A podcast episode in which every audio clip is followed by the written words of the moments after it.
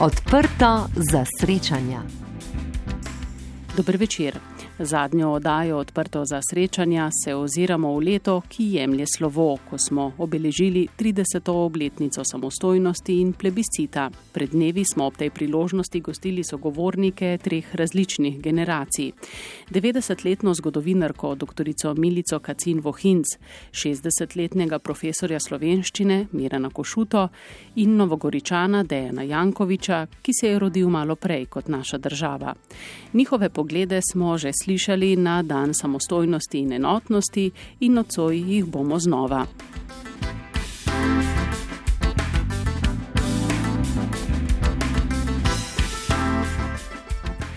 Ena najpomembnejših slovenskih zgodovinar, ki je oktobra praznovala 90 let. Vso kariero je delovala na Inštitutu za novejšo zgodovino. Raziskovalno se je dr. Milica Kacin-Vohinc posvečala zlasti vprašanju slovencev, ki so se po prvi svetovni vojni znašli pod italijansko oblastjo. Svoj pečat v minulih 30 letih je nedvomno pustila kot sopredsednica Slovensko-italijanske komisije, ki je preučevala odnose med Slovenci in Italijani. V Ljubljano smo poklicali avtorico temeljnih zgodovinopisnih študij o zgodovini slovencev v času fašizma, dr. Milico Kacin Vohinc. Mogoče manj znan podatek je, da je naša sogovornica končala gradbeno tehniško šolo in eh, da je bila dve leti zaposlena tudi kot gradbeni tehnik. Zato sva ta pogovor začeli bolj v gradbenem žargonu, dr. Kacin Vohinc kaj smo kot narod zgradili v 30 letih samostojne države? Ja, samostojno lastno državo smo zgradili in odnose v svetovni evropski ravni z vstopom v Evropsko unijo, z vstopom v NATO, mi smo se, to, to se pravi, optimalno eh, razvili, za, eh, da nas eh, svet spozna. Standard, visok standard življenja, veliko gradnje nove, veliko, veliko gradnje eh, stavb, avtocest, krožišč, ampak predvsem pa tudi veliko luksuza, eh, kar je pravzaprav škodovalo naši naravi in, in naslohja. Pa smo kaj žal tudi porušili od takrat zgrajenega. Smo kje uh, obstali, nam je zmanjkalo kje tistega veziva, tistega povezovalnega uh, duha, ki drži eno zgradbo uh, skupaj. Porušili smo med sebojne odnose tako znotraj države Slovenije kot z bivšimi republikami jugoslovanskimi, predvsem zaradi meje s Hrvaško nismo začrtali pravočasno svoje meje. Spremenili smo se v potrošniško družbo, v kateri vlada pohleb. Spravno politiko smo razbili, nasprotja med dvema tabora, domobranci in partizani se poglabljajo, kar izrablja politika. Vi ste se posvečali predvsem primorski zgodovini. Bili ste sopredsednica Slovensko-italijanske zgodovinsko-kulturne komisije, ki je preučevala odnose med Slovenci in Italijani med letoma 1880 in 1956. In eden od pomembnih zidakov, če govorimo o gradnji odnosov med državama, je zagotovo poročilo, ki je nastalo po sedmih letih dela komisije.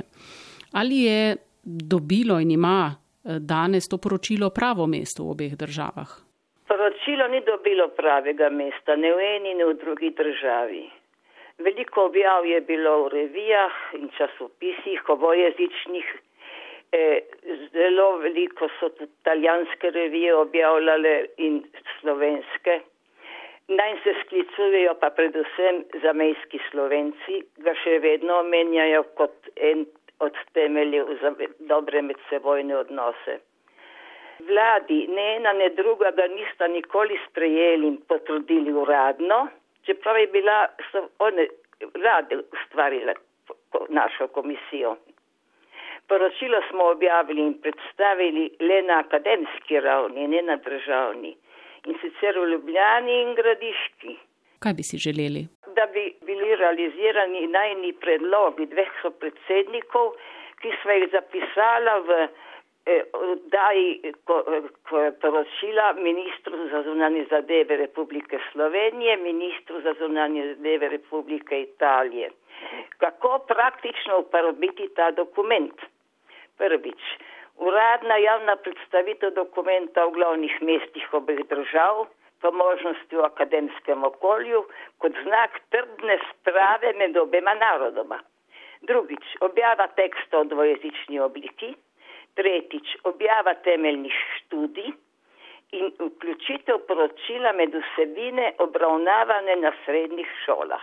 O poročilu smo sicer letos kar nekajkrat slišali. Letošnje leto sta v teh odnosih zagotovo zaznamovala dva dogodka. Začetek vrnitve Narodnega doma v Trstu in srečanje predsednikov Slovenije in Italije v Bazovici.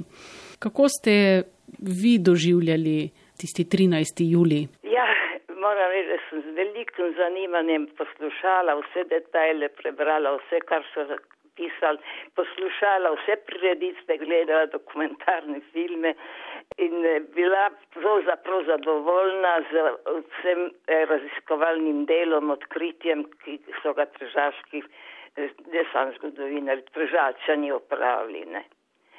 Bila sem tudi zadovoljna, da sta oba predsednika države, sta se poklonila eh, tako Fojbi eh, kot bazoviškim žrtvam, obojno na Bazovici. Že ob zaključku dela komisije leta 2000 sem sama predlagala komisiji simboličen obisk Fojbe in partizanske bolnice Franje. Pa to mi tudi ni popolnoma izvršeno. Franjo smo obiskali kot komisija, na Fojbe so pa rekli, da so oni že bili. Ja. Je bil 13. juli tudi za vas zgodovinski dan? Absolutno. Kako je bil požig, tako je bil zdaj vrnitev. Opravili ste pionirsko delo raziskovanja italijanskih arhivov. Tako kot pri nas je tudi v Italiji zakon, da dokumenta ne smeš objaviti 70 let po nastanku, če so osebe, ki jih dokument omenja, eh, še žive. Kateri dogodek in katera področja primorske zgodovine bi bilo treba eh, po vašem še bolj podrobno raziskati? Ja, cela področja, pravzaprav pa vsi detajli, eh, predvsem zelo malo slabo raziskana zgodovina kulture ne, pod Italijo, gospodarstva, zadružništva, povojnih dogodkov vsakdanjega življenja v coni A in coni B, pa se za povojnih čas gre. V glavnem eh, zgodovinopis je, da se nikoli ne konča, vedno se poglablja, vedno se dograjuje, vedno se revidira. Ja še veliko dela. Pogrešate, uh, doktorica uh, Kacin Vohinc, tisti von arhivov, arhivskega gradiva, uh, tisti dotik arhivskih dokumentov, ki ste jih tako radi držali v rokah in v Rimu preživljali tedne in mesece? Pogrešam. Zdaj pa ne, jaz sem dom v penziji že dolgo časa. Že kot penzionistka sem delala v komisiji sedem let ne pa svojega raziskovalnega dela. E, jaz sem svoje delo objavila, kot veste, v mnogih e, revijah in v knjigah. Imam ne, veliko monografij, najmanj 600 ali pa 700 bibliografskih enot. Nič ne pogrešam, pač pa prebiram vse, karkoli o tem mojem zgodovinopisju kdo napiše. Oktobra ste dopolnili 90 let zaradi razmir brez kakšnega posebnega praznovanja, bi lahko rekli. Ampak ob tej priložnosti je vaša nekdanja sodelavka z Inštituta za novejšo zgodovino Nevenka Troha zapisala, da sta se kdaj glede aktualne politike tudi ostro spričkali, o strokovnih vprašanjih pa sta po soočenju dejstev vedno dosegli soglasje.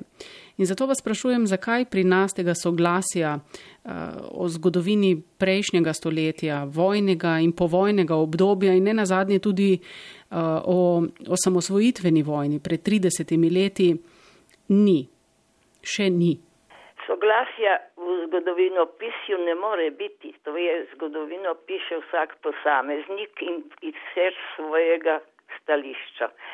znanstvena dela so objektivna, vsaj vedno bolj. Omenjam Jožeta Pirjevca, ki piše zelo podrobno eh, jugoslovansko zgodovino. Eh, omenjam eh, raziskovalce Koprskega eh, središča za eh, znanost. Zelo globlje v stvari in vse stransko objektivne. Eh, res pa je, da bo šele eh, generacija poznejša lahko zapisala kompleksno situacijo in zajela celoto, celoto v evropskem in svetovnem kontekstu. Ni važno, kaj bom jaz želela. Želeti morajo drugi, ne mladi. Pri njih moramo vzbuditi zanimanje za našo zgodovino, ker brez zgodovine tudi narod, narod ne obstaja samosvojitvena vojna eh, ima, ima tudi že eh, svoje monografije. Samo se spet pretirava z ene strani in druge strani bolj spominsko, bolj samoufečno kot pa objektivno. E, mislim pa, da je še zelo blizu za zgodovino. Za zgodovino je, je, je treba, da nekaj stoletij, nekaj desetletij mine. Ja. To je pa premalo 30 let. Kako sicer, doktorica Vohinc, preživljate eh, te dneve? Kako ste, kako se počutite? Danes je vendarle prazničen dan. Veste, jaz se počutim v avtoizolaciji že devet, deveto leto, ker sem sama živim, sama skrbim zase, samo zase, vse opravim eh, in eh, ta virus pravzaprav mi ni nič posebej prizadev, razen kolikor so v poročilih, ki poslušamo o, o, o smrti zlasti starejše generacije, starejše generacije, kolikor da je to, ta virus prišel k maščevanje narave, ker narava smo pa uničevali. Vsega je bilo preveč, vse je predaleč šlo, kar naprej razviti, pa še bolj razviti, pa še več, pa, pa pohlepa preveč, to se je moralo zgoditi. Ja. Hvala, da ste si vzeli čas za Radio Koper, za vaše primorce eh, in lepo vas eh, v imenu naše hiše pozdravljam eh, v Ljubljano in vam želim mirne praznične dni. Ja, hvala. Pozdrav. Pozdravljeni vi tudi v Kopru. Srečno.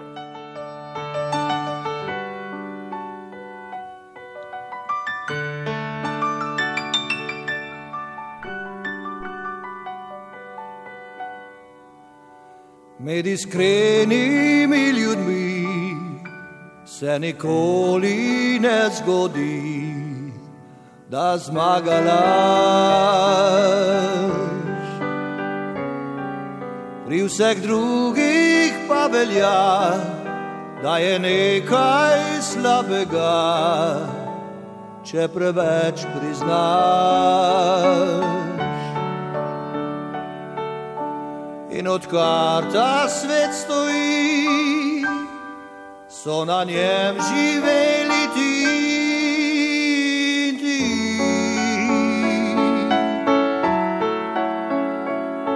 Človek bližnjega spozna, koga ta enkrat izda, do takrat pa malo Med iskrenimi ljudmi so preproste vse reči, kot jasen dan.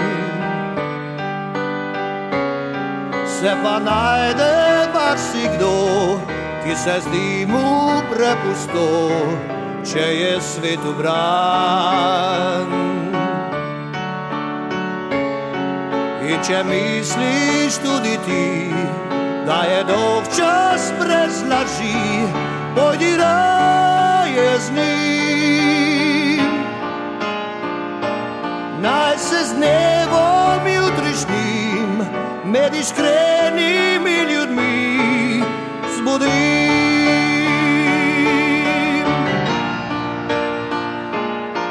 Med iskrenimi ljudmi so preproste vse reči kot jasen dan.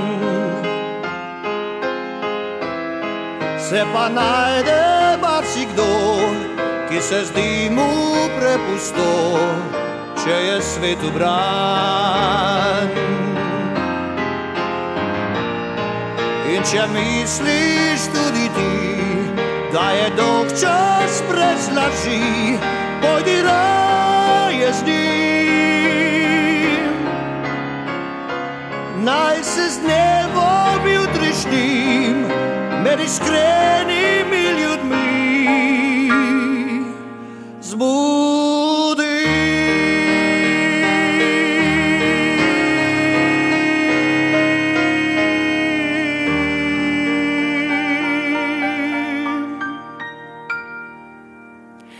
Ko se je rodila država, je bil Miran Košuta iz Trsta star 30 let. V žepu je imel diplomo, za seboj prve delovne izkušnje, a vsa poklicna pot je bila še pred njim. Zanimalo nas je, kakšen je bil pogled na oblikovanje nove države in njeno pot z druge strani meje. S profesorjem književnosti na Univerzi v Trstu, pisateljem, prevajalcem in literarnim kritikom se je pogovarjala Neva Zajc. Miran Košuta, pozdravljeni. Dobar dan. Zanima nas najprej, kaj ste počeli v času, ko je nastajala samostojna Slovenija. Ja, takrat sem bil že dobrih pet let bivši diplomant Ljubljanske filozofske fakultete. Služil sem si kruh kot urednik na knjižnih izdajah založništva državskega tiska. Bil sem sveži avtor novelističnega prevenca Rapsodija v treh stavkih. Pisal sem torej literaturo, prozo, esejistiko, scenarije za kabare, skladal sem igral, nastopal, predvsem kot član skupine Kar zbrada, skratka, nekakšen kulturni faktotum. Kako pa se spomnite časa oziroma trenutka, ko smo izvedeli oziroma ko smo vedeli, da dobimo svojo državo in kakšna pričakovanja so obhajala vas? Tisto obdobje sem doživljal Gregorčičevsko. Namreč kakor protagonist Gregorčičeve pesmi Človeka nikar, ki mu je dana možnost zreti v božjo delavnico, tako sem tudi jaz gledal takrat na lastne oči v varnico zgodovine, ki je kalila slovencem nekaj sicer nejasnega, negotovega, vendar epohalnega, prelomnega. Spominjam se ponosa, recimo ob plebiscitni pokončnosti in slogi rojakov v matici, veselje nad neodvisnostjo, kmalo na to pa tudi srha ob gorečih tankih na meji v Rožni dolini, strahu za sorodnike in prijatelje v Ljubljani, Šoštanju, v Kopru, v Mariboru, trepetanja za usodo slovenstva. Ker pa mi pasivno opazovanje, gledanje pač ni zadostovalo, sem se za Slovenijo zauzel tudi stvarno, z javno besedo. Septembra 1991 sem tako nagovoril na občinah Karavano miru, več desetin italijanskih mirovnikov, ki so takrat potovali v Sarajevo. Rekel sem jim, da je jugoslovanska vojna zločin zoper človeka, da smo pač Slovenci narod miru, da zahtevamo takojšnjo prekinitev ognja, da obsojamo agresijo jugoslovanske armade, da sočustvujemo z ogroženim prebivalstvom, da podpiramo tudi plebiscitarno izraženo voljo Slovenije in Hrvaške po neodvisnosti, da se zauzemamo za njuno mednarodno priznanje in za učinkovito zaščito manjšin kjerkoli v skupnem evropskem domu. Ja, odziv je bil presenetljivo nasproten pričakovanemu, kajti že med govorom, pa tudi pozneje so nekateri ponegodovali, češ kaj nam vendar tvezi ta slovenski nacionalist in separatist, prav Slovenija prvi krivec za razpad Jugoslavije. Skratka, Vnovič se je in tokrat na moji koži izkazal za pravšnjega, zlobčev knjižni naslov. Lepo je biti slovenec, ni pa lahko. Ja, res je. Za slovence v Italiji, ne, omenili ste manjšino, je bil nastanek samostojne države gotovo pomembno dejanje. Kako ste na njo gledali z druge strani meje? Vem, da so bila vedno velika pričakovanja, ali so se uresničila Vedeti je treba, da je bilo potrebno na zaščitni zakon čakati še kar deset let po nastanku slovenske države. Ob eh, osamosvajanju matice so bila mnenja med slovenci v Italiji deljena. To je treba pošteno priznati. Večina je res mislila, da gre za pomembno dejanje in ga podpirala. Drugim pa je navezanost na Jugoslavijo in njeno celovitost narekovala pomisleke ali celo odkrito nasprotovanje. Podobno pač nekaterim od tistih preomenjenih mirovnikov so menili, da kaže ohraniti pri življenju zvezdno državo Jugoslavijo, ker bo med drugim učinkoviteje, recimo z večjo diplomatsko težo od sicer samostojne, vendar majhne Slovenije, zagovarjala na mednarodni ravni tudi naše manjšinske pravice. Pri tem so se jaz pregledali dejstvo, da je kolo zgodovine neustavljivo in da demokratične volje naroda, njegovega penenja po svobodi in odvisnosti ni mogoče zatreti. Prihodnost pa jih je postavila na laž tudi glede obrambe manjšinskih pravic, kajti za razliko od nekdanje Jugoslavije je Slovenija učinkovito pripomogla k sprejetju italijanskega zakona 38 iz leta 2001 za zaščito slovenske narodne skupnosti v Italiji. Miren Košuta, kako pa bi ocenili pot, ki smo jo prehodili v treh desetletjih? Ja, latinci so pravili ubi fel, ibi mel, kjer je žolč, tam je tudi med. Ta rek velja seveda tudi za Slovenijo, ki je v tem 30-letju okusila obilo žolča, križev, težav, vendar tudi mnogo lepih, uspešnih trenutkov. Na žolčno stran slovenske tehtnice bi lahko postavil marsikaj, da nimo podleganje Slovenije izkoriščevalskemu globalnemu kapitalizmu, naraščanje socialnih razlik, revščine, brezposelnosti, preštevilne afere v skorumpiranem gospodarstvu, objest bank, neetičnost politike, uničdevanje kulture, šolstva, univerze, jezika, torej hrbtenic slovenske biti, pa še patološko narodno razklanost na bele in rdeče, domobrance in komuniste, to obsesivno preštevanje kosti, večno zazrtost v preteklost namesto v sedanjost in prihodnost, cankarijansko hlapčevstvo do vsega tujega in močnejšega. Seveda me bolj veseli marsikaj, kar je Slovenija dosegla medenega v tem 30-letju. Spravi mir, svoboda, demokracija, parlamentarizem, izboljšanje življenskega standarda, pluralizem medijev, vstop v Evropsko zvezo leta 2004 ali padec šengenskih meja leta 2007, evro in večja mednarodna razpoznavnost države in še in še in še do vrhunskih dosežkov v znanosti, umetnosti in športu. Veselje pa je ob uspehih Slovenije praviloma tudi ponos, ker poznam ob latinskem tudi domači rek, da brez potu ni medu. Res je, še nekaj odnos Slovenije do njenega obrobja, pa tudi ljudi na drugi strani meje, ni vedno zgleden. Kaj je očitate in česa bi si želeli v prihodnosti? Ja, to razmerje med matico in predmejstvi, kakor jim sam pravim, je dvotirno, še zlasti to z italijanskim predmejstvom. Institucionalni tir razmeroma dobro deluje, država Slovenija nas do določene mere seveda upošteva, ščiti, zagovarja, nam finančno pomaga.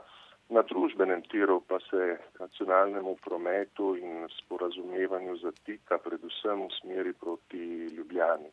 Predmejci namreč še vedno nismo enakopravni del slovenske družbe in naroda, recimo šolski programi nas komaj omenjajo, TV, mediji o nas ne poročajo dnevno, seveda svetle izjemo koperskega radia in televizije. Eh, resorni državni zakoni pa dejansko upoštevajo samo državljane, ki živijo znotraj državnega ozemlja. Skratka, nismo prisotni v matičnih glavah.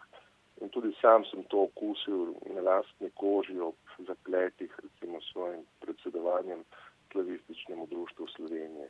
Zato si želim, da bi vsaj v drugem 30-letju državne samostojnosti vsi Slovenci dejansko postali eno samo nacionalno telo, pač ne glede na državne meje. Ni na robovih pač koža v stiku z zunanjostjo, rojaki v notranjosti pa srce, srce, ki prekrvlja slehrno kapilaro. To je namreč predpogoj vsenarodne bodočnosti našega skupnega slovenskega obstoja, saj brez predmejske kože tudi matično srce ne more utrpati. No in tukaj pridemo do enotnega kulturnega prostora, morda za konec še beseda dve o kulturi. Dolgo se je govorilo o njeni državotvornosti, potem so stvari potihnile. Danes eh, redko slišimo omembo enotnega kulturnega prostora, verjetno bi našli še kaj. Se vam zdi, da je država postala kulturi mačeha? Ja, ne samo država, Slovenija, tudi Evropa, tudi svet, eh, globalnost eh, strežejo danes kulturi po življenju. Na delu je po mojem pravcati kulturocid, se pravi surov politični in gospodarski poskus družbenega iztrebljenja kulture in umetnikov, ki smo mu pod pretvezo zdravstvene varnosti pač priča v teh norih koronskih časih tako v Sloveniji kot domala povsod po svetu. Razumljivo, ker je pač kultura znanje, zavest, kritična misel, svoboda. To pa je v sedanjem globalnem režimu tako rekoč nedopustno. Gospodari sveta tvezijo zato ljudem pravljico, da je kultura nerentabilna, neunovčljiva, nekoristna v času, ko so pač raztrobentane prioritete drugačne, zdravstvo, gospodarstvo, trgovina, industrija, delo, mobilnost, splet, profit. In vendar vsi vemo, da človek ne živi zgolj od kruha, še posebej slovenski ne. Upam zato na čim prejšnjo streznitev, saj bi bilo svobodnega sveta Evrope, pa tudi slovenskega naroda, slovenstva in samostojne Slovenije brez kulture k malu konec. Miren Košuta, najlepša hvala za, za te izčrpne in blagozvočne odgovore. Vse dobro vam želim, pa naj že zdaj izrečem tudi čestitko, naj bo vse to dobro tudi v novem letu. Hvala in vse dobro Sloveniji.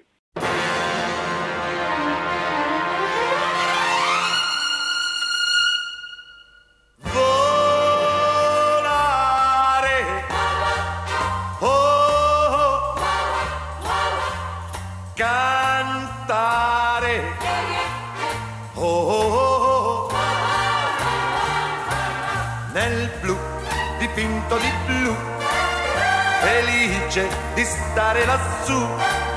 E volavo, volavo felice più in alto del sole ed ancora più su. Mentre il mondo pian piano spariva lontano laggiù. Una musica dolce suonava soltanto per me.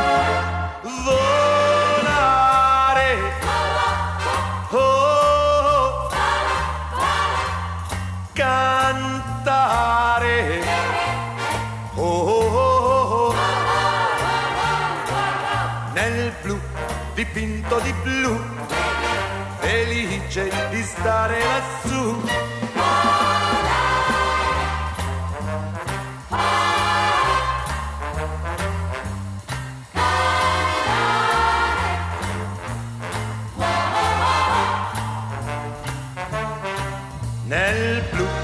Dipinto di blu, felice di stare lassù e volavo, volavo felice più in alto del sole ed ancora più su, mentre il mondo pian piano spariva lontano laggiù.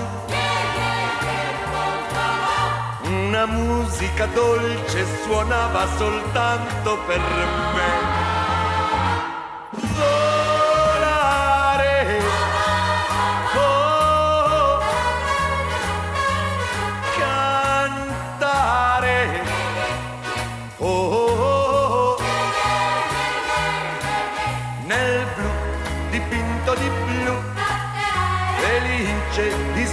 Lassù, nel blu dipinto di blu, felice di stare lassù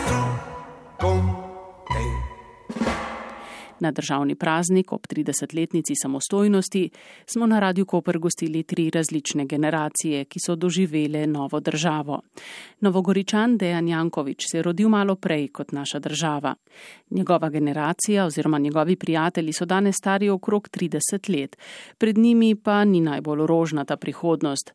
Večina je prekarcev ali ima začasne zaposlitve, nimajo rešenega stanovanskega vprašanja. V prihodnjem desetletju pa se bodo morali soočiti z gospodarsko, podnebno in ekološko krizo. Dejan Jankovič sodi med tistih skoraj 26 tisoč državljanov, ki so bili izbrisani. Ta madež naše države, za katerega je kasneje ustavno sodišče odločilo, da je bil neustaven, je močno zaznamoval njegovo družino. Z njim se je pogovarjala Nataša Uršič. Lepo pozdravljeni, dober dan. Torej, eh, vi pripadate generaciji, ki je šolanje obiskovala že v samostojni Sloveniji. Kakšni so vaši spomini na odraščanje v Novi Gorici, kakšne so bile vaše želje v osnovnošolskih oziroma srednješolskih letih, kasneje tudi na fakulteti, zdaj, ko se recimo tako ozrete nazaj, koliko vam jih je uspelo uresničiti? Zdaj, spomini na otroštvo, ne vem, tist ič na koncu priimka, tisti izdajalski ič. Ja, te je zaznamoval, ma tudi te ni. Ne, ne morem reči, da nekako sem bil oškodovan zaradi tega. Ne. Se dalo normalno živeti, normalno živeti svoje sanje. Bolj je bil ta administrativni državni zločin, če ga tako imenujemo, ta izbris je bil tisto, kar je, kar je res onemogočilo človeku življenje in je človeku onemogočilo, da bi svoje sanje dosegel. Pač ta zahrbtnik, ki ga nekateri imenujejo administrativni genocid. Ne? To, pač, eh, to se spominjam prav iz zgodnega otroštva. Meni osebno je to pomenilo, da nisem mogel hoditi na morje v Sesljan kot otrok, ker pač nisem imel dokumentov, oziroma kakšenkrat nas je mama prešvrcala, oziroma me je prešvrcala, ker moja sestra ni bila izbrisana, sem bil samo jaz izbrisan. Ta absurd, ta izbris, ki je nekako razklav to mojo družino, ker moj oče in jaz smo bili izbrisani, mati pa sestra pa niso bili. Pač oče je Srbije, mama je Slovenije. Ne? Tako in nekako sem jaz bil pisan v papirjih na očeta, posledično sem bil izbrisan. Sestra pa je bila pisana na mamo, in posledično je pač eh, normalno ohranila papirje tudi po februarju leta 1992. No, dejali ste recimo, da niste mogli iti uh, poleti na morje v Sesljan. Ne? Takrat ste bili majhni. Ne? Vsi ja. vaši prijatelji so starši hodili se kopati v Sesljan, vi pa se niste mogli. Ne? Kako ste takrat to doživljali in kasneje, ko ste odrasli in ugotovili, Zakaj uh, vi poletja niste mogli preživljati tako kot vaši prijatelji? Kot otrok pač nisem imel neke jasne ideje, kaj so države, kaj so državne meje in kaj so papirji pa dokumenti. Uh, se spomnim pa odraslih, pogovor odraslih, tu je mama me nekajkrat prešvercala na prepustnico. Na prepustnico sem bil napisan na mamo in pač preko prepustnice smo nekajkrat tu išli se kopati kot družina oziroma brez očeta, ki je pač bil brez dokumentov. Ne. Ja, je bil težek čas, je bil zelo napet ča, čas, dobro, danes, ko mislim za nazaj, smo, se smejemo temu, ne, takrat je bilo pač zelo napeto, ne. Uh, si bil pač ne oseba dejansko. Jaz do, do svojega desetega leta nisem imel nikakršna papirja, razen uh, rojstnega lista, oziroma kar sem bil pisan mami na potni list. No. Ta bolečina izbrisa, recimo, glede na to, kar ste pravkar povedali, kako pa je vplivala na očeta, ne? razmišlja tudi tako, recimo, rek, dejali ste, da je on srb, ne, mati je bila slovenka, ne. Ja. Kakšno identiteto sploh on čuti, recimo, pa tudi vi, ne, danes uh, do Slovenije oziroma do Srbije? Saj ste bili ne, ne na zadnje postavljeni pred dejstvo, da so se morali, da so se morali tvoji starši odločiti za eno od uh, držav. Ne? Ta čas razpada Jugoslavije pač. Mi se moramo zavedati, oziroma starejše generacije se to tudi spominjajo. Je bil čas nekih, pač, ko bi rekel, močnih teh nacionalističnih čustev, pa strasti. Ne? Kot je ugotovilo Evropsko sodišče za človekove pravice, vsakdo ima pravico odkloniti državljanstvo, nikogar ne moreš prisiliti v to, da se sprejme državljanstvo in kar se mi zdi zelo pomembno še dan danes, marsikdo govori o izbrisu kot izbrisu državljanstva, kar ni res. Državljanstvo nima nobene veze z izbrisom. Izbris je bil izbris iz registra stalnih prebivalcev Republike Slovenije in samo pripadnikov nekdanjih narodov, nekdanje, neslovenskih narodov nekdanje Jugoslavije, pač američane, nemce, italijane, ki so bili tujci takrat v Sloveniji in noben tiku. Ne. Šlo je za najbolj poceni nacionalistični revanšizem proti nekaterih narodnostnih mašin. Koliko časa sta pa bila recimo potem vi in vaš oče uh, brez vsakršnih dokumentov? Dejali ste, da ste vi imeli samo je. rojstni list, kaj pa oče? Zdaj se ne spomnim točno, pač sem bil otrok. Ja, nekaj časa se spomnim, eh, da sem bil brez dokumentov. Državljanstvo sem, eh, sem pridobil pred desetih letih, 97, rečemo. Potem, ko je pač mama bila šokirana, potem, ko na konzulatu Zvezdne republike Jugoslavije pač prvič ta teta je razložila mojo situacijo. Je rekla, da vaš sin je na, ni na nebu, ni na zemlji. Po papirjih jaz nisem obstajal. Oče pa mislim, da je prva leta je bilo pač je bil brez dokumentov, oziroma tako bom povedal. Ne. Po izbrisu je oče dobil vabilo, da se zglasi na občini. Na vabilu ni pisalo, zakaj se gre. Pač pridi na občino, prinesi sabo potni list, osebno izkaznico itd., pač vse te dokumente in s temi dokumenti oče šel na občino, ta za šalterjem občine to preprosto primla in preluknala, brez nekih dodatnih razlag. To je bil pač modus operandi z takrat ob, ob, oblasti, ne. Sicer samih izbrisanih niso obvestili o izbrisu, so pa obvestili delodajalce in stanodajalce tako kot češ je država pilatovsko umila roke in prepustila umazano delo delodajalcem in stanodajalcem. Je to potem vplivalo tudi na očetovo službo, predvidevam? Zgodbe so pač različne. Ne? Za nekateri to se je dogajalo po zimi 92. Nekateri so morali domov, marsikdo je šel domov v Bosno. Kaj pa je bilo v Bosni na spomlad 92. vemo, ne? tako da tudi dva, tri tata poznak, ki so izgubili življenje kasneje v vojnah v Bosni.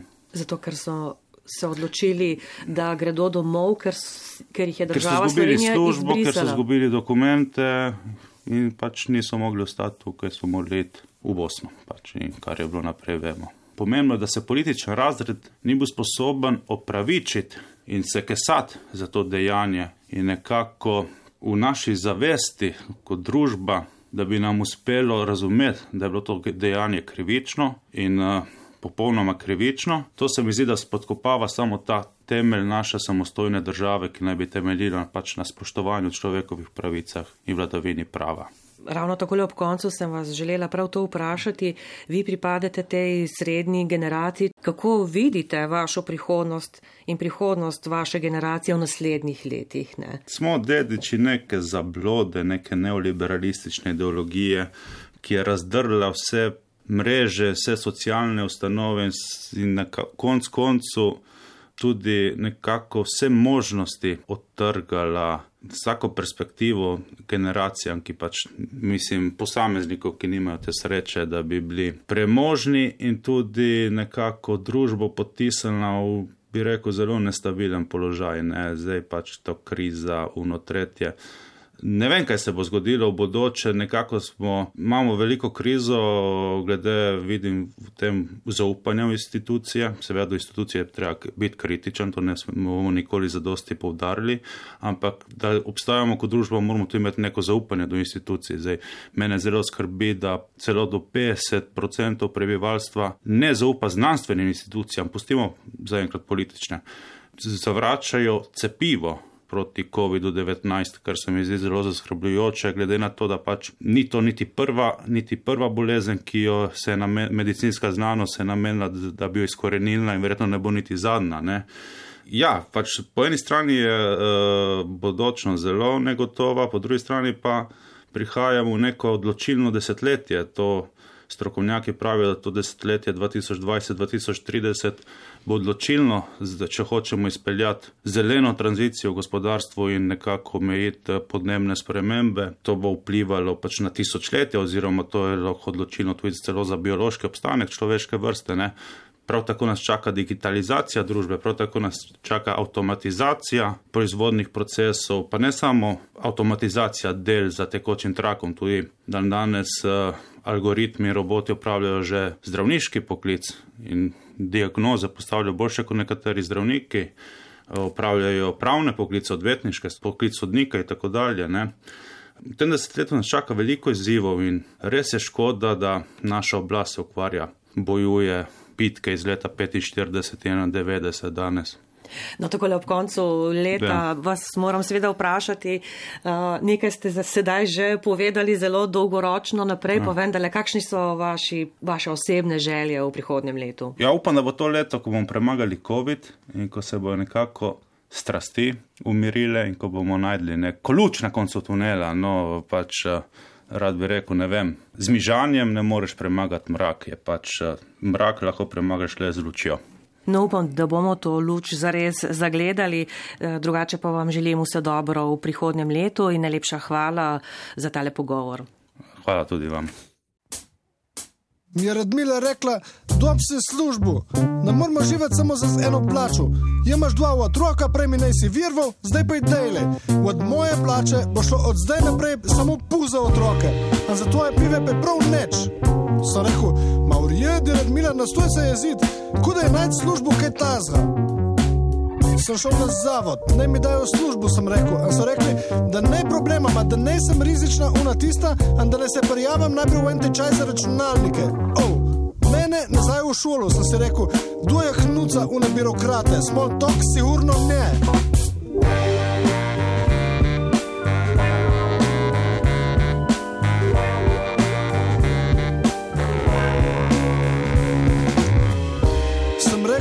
Uporabil veze in poznanstva. In sem šel pole do bajca, sem rekel, jo, jo, kaj, kaj bajc, da me vzame v službo. Da mi dva Jurija neto, NH službe, HBMV, štiri urni delovnika smo zmenjeni, eko raka. Ma me je najprej vprašal bajc, kaj znam, kaj znam. Sem mu razložil, da sem primorska ričens, oh, hangster rapper, da sem šel do slaven. Aha. In je rekel, ma že uredi smo tok, ma jaz imam to leter hovino za železnino. Kučem ponuditi, da hangster rapperja beži vprašati, kaj še ha drugega mi je rekel. Sem bil prav užaljen, čo. A na vratih mi je še rekel, da ne imam pojma, a da sem lahko srečen, če sploh dobim kje karkoli, a še tam za minimalca. Aha, je rekel minimalc, small talku.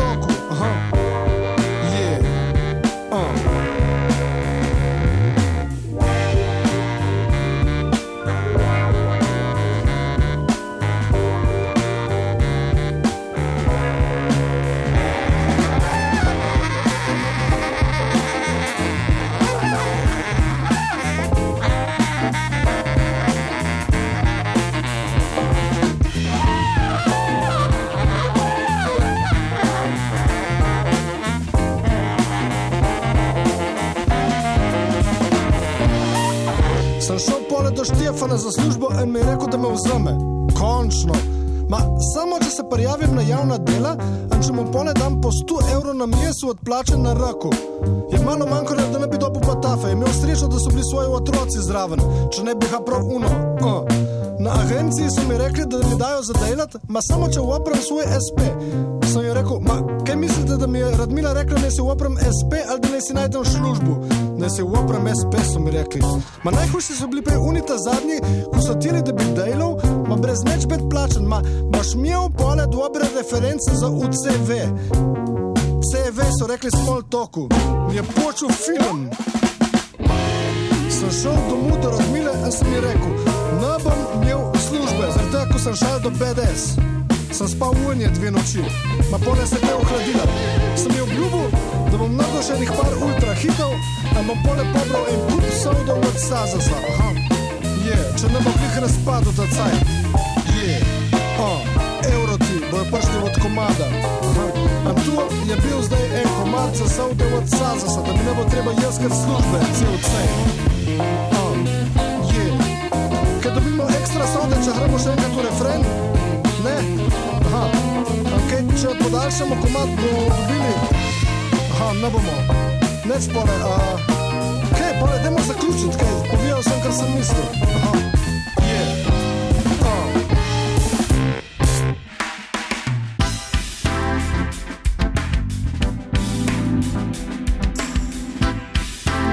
Odprto za srečanja. To je bila zadnja oddaja odprto za srečanja v letu 2020. Tudi to lahko poslušate znova, če jo poiščete v arhivu na naši spletni strani. Naslišanje z zanimivimi sogovorniki ob sredah zvečer tudi v novem letu.